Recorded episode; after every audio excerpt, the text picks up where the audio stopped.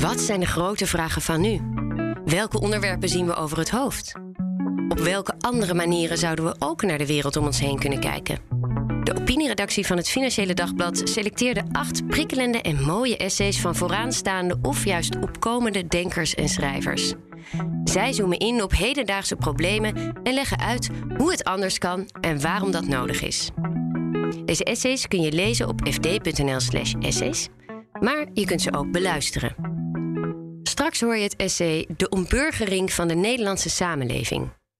Hierin pleit Paul van Tongeren voor herwaardering voor de term burger in plaats van hardwerkende Nederlander. Eerst legt Jesse Beentjes van de opinieredactie uit waarom de redactie dit onderwerp op de agenda wilde zetten en wie de auteur is. Ja, ik heb hem eh, benaderd. Hij is, hij is momenteel Denker des Vaderlands. Ik heb hem benaderd eigenlijk met de vraag om ehm, een stuk te schrijven waarvan hij dacht dat het interessant zou zijn voor de FD-lezer. Toen heb ik hem een beetje uitgelegd wat onze lezer is. Die uh, nou, een sterke financieel-economische uh, interesse heeft, ook geïnteresseerd is in politiek. Toen zei hij al vrij snel, nou, over geld kan ik niet zoveel schrijven, maar over politiek wel. En hij heeft een, nou, vond ik zelf echt een prachtig boek geschreven over nihilisme in Europa. En ik denk dat dat op dit moment heel relevant is. En hij kwam al vrij snel met een idee van de ontburgering van de Nederlandse maatschappij. Dat hij zei, ja, we zijn de afgelopen 10, 15 jaar is het veel minder gegaan over de Nederlandse burger, maar is het steeds meer geworden uh, de mensen in dit land. Of nog, nou, hij vindt het zelf nog erger, de hardwerkende Nederlander. En dat is echt, ja, doordat we dat zo alleen maar het individu zijn gaan aanspreken, zijn we ook een beetje, zijn we eigenlijk het gezamenlijke kwijtgeraakt. En dat, dat benadert hij vanuit een behoorlijk zwaar filosofisch uh, perspectief. Het is echt een, een, een leeskluif. Dus misschien ook leuk om, om naar te luisteren. Maar aan het eind van het verhaal heb je wel echt, nou ja, heb je al zijn argumenten ongeveer gezien. En dat is uh, heel boeiend. De ontburgering van de Nederlandse samenleving. Door Paul van Tongeren. In het vertrouwen in de politiek onder de Nederlandse bevolking is onmiskenbaar een geleidelijk dalende lijn zichtbaar. Uit metingen van dat vertrouwen blijkt dat gebeurtenissen als de uitbraak van een pandemie of een oorlog veelal slechts tijdelijk van invloed zijn.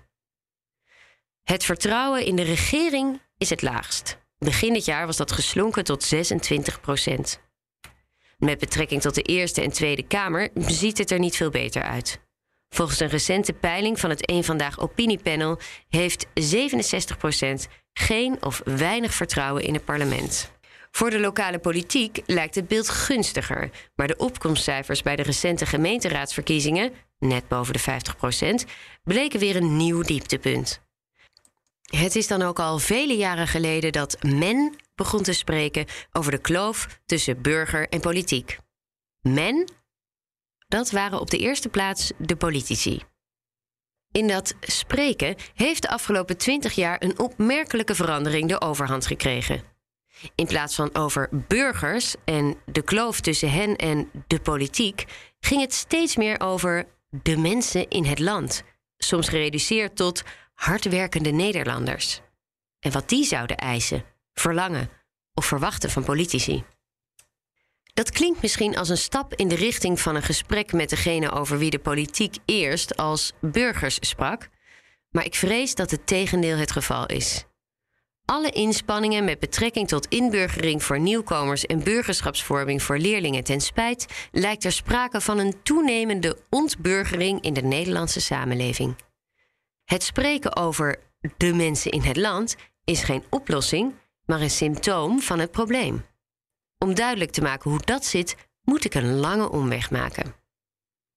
Gebeurtenissen als een pandemie, een bombardement of maatregel van de overheid kunnen we altijd tenminste vanuit twee aspecten bekijken. Aan de ene kant het aspect van dat wat er feitelijk plaatsvindt. Aan de andere kant de betekenis die het heeft. Het feitelijke aspect kunnen we min of meer objectief vaststellen. Over de betekenis vormen we ons een subjectieve mening. Die beoordelen we. Het veelgebruikte verschil tussen feiten en meningen is dus preciezer geformuleerd een onderscheid tussen kennis van feiten en meningen over betekenis.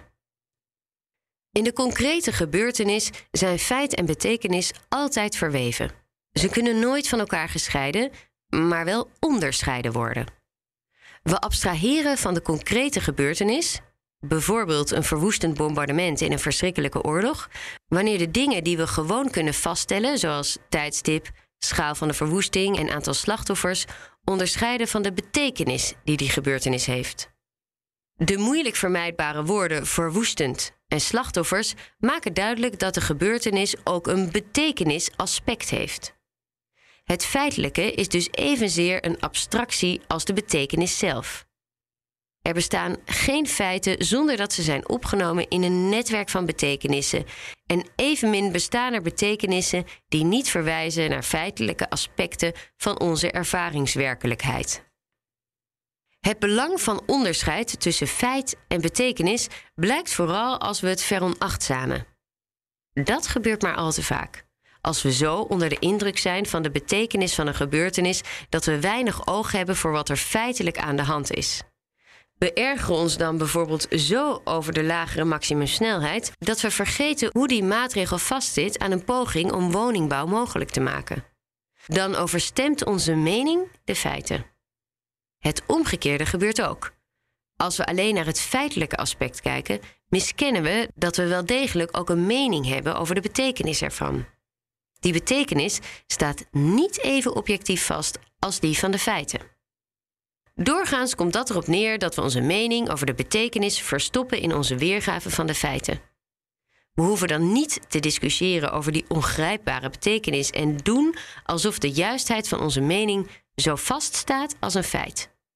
Onderzoek heeft aangetoond. Om recht te doen aan de concrete werkelijkheid, moeten we de feiten onder ogen zien en onze mening over de betekenis ervan onderzoeken. Wat dat te maken heeft met burgerschap en de kloof tussen burger en politiek, leren we als we onze omweg nog een stapje verder voeren. Het zal duidelijk zijn dat de werkelijkheid voor ons mensen altijd een betekenisvolle werkelijkheid is. Dat wij niet anders kunnen dan gebeurtenissen, of het nu gaat om een zon die schijnt of de bom die valt, altijd in termen van betekenissen waar te nemen, als lekker weer of een afschuwelijke oorlog. Tegelijkertijd moeten we erkennen dat die betekenissen nooit vastgesteld kunnen worden alsof het feiten zijn. Dat wat onze werkelijkheid tot een menselijke wereld maakt, de betekenis, blijft altijd betwistbaar, onzeker. Als het gaat om het weer, merken we het nauwelijks, hoewel ook daar de interpretatie voor de boer niet altijd gelijk is aan die van de stedeling. Maar zelfs bij de voor ons evidente verschrikkingen van de oorlog weten we dat elders andere interpretaties van de betekenis worden gegeven. Het is gevaarlijk om de feiten uit het oog te verliezen, maar ook om de betekenis terzijde te schuiven. Dat laatste wordt gesuggereerd door een wijdverbreide maar onjuiste en gevaarlijke opvatting: dat betekenis helemaal niet bestaat, maar dat er alleen maar betekenisgeving is. Eigenlijk, zo zegt men dan, zijn er alleen maar meningen over de betekenis van een gebeurtenis. Die zeggen niets over de werkelijkheid, alleen over degene die die mening heeft. Meningen zouden slechts individuele expressies van individuele emoties zijn, net als de individuele belangen van de mensen in het land. Want we komen in de buurt van het probleem.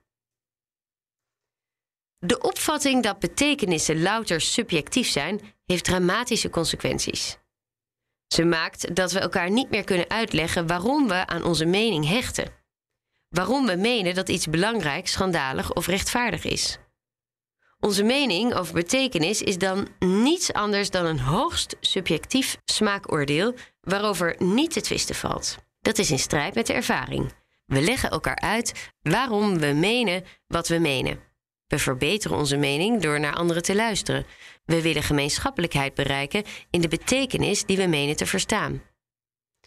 Dat heeft alles te maken met politiek, zoals Aristoteles al begreep. Hij legt uit waarom de mens wezenlijk een politiek wezen is.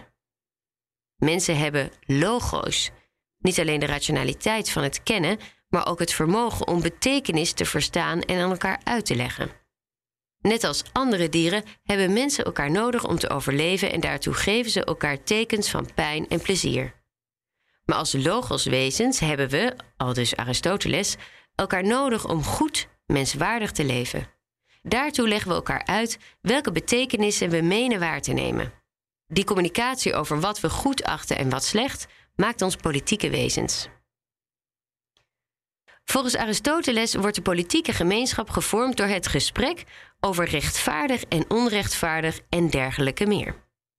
In dat gesprek zoeken we naar een gedeelde interpretatie, terwijl we weten dat er geen eindpunt aan dat zoeken is. We doen dat door te proberen het eens te worden en, als het goed is, tegelijk de mogelijkheid open te houden om onze eenstemmigheid te doorbreken. Door te zoeken naar consensus en de deur open te houden voor dissensus. Dit brengt ons bij burgerschap. Want de burger is degene die zich in dat gesprek begeeft en daar de vaardigheden voor heeft. De burger stelt zich op naar het standpunt van de gemeenschap zoals die voortkomt uit het gesprek over betekenissen als rechtvaardig en onrechtvaardig. Alleen waar gezocht wordt naar een gemeenschappelijke uitleg van betekenis van wat van belang is, alleen waar mensen gericht zijn op het gemeenschappelijke belang en zich laten uitdagen door afwijkende meningen, worden ze burger en is er sprake van een samenleving. Alleen daar ontstaat een politieke gemeenschap. Alleen zo'n gemeenschap onderscheidt zich van de wijze waarop dieren en kuddes zwermen, of in het geval van mensendieren, een massa vormen. Als leiders van zo'n gemeenschap de leden ervan niet aanspreken op hun burgerschap, maar op hun eigen individuele of groepsgebonden belangen, ontburgeren zij hen. Wanneer de politiek zich vervreemdt van haar primaire taak, het uitvoeren, stimuleren en faciliteren van het gesprek over rechtvaardig en onrechtvaardig, en zich in plaats daarvan beperkt tot de oplossing van concrete problemen of het dienen van particuliere belangen, depolitiseert zij de samenleving. Dan ondermijnt de politiek het burgerschap en daarmee uiteindelijk zichzelf. Dit was het essay van Paul van Tongeren. Wil je meer essays lezen of beluisteren die de opinieredactie van het FD selecteerde? Kijk dan op fd.nl/essays.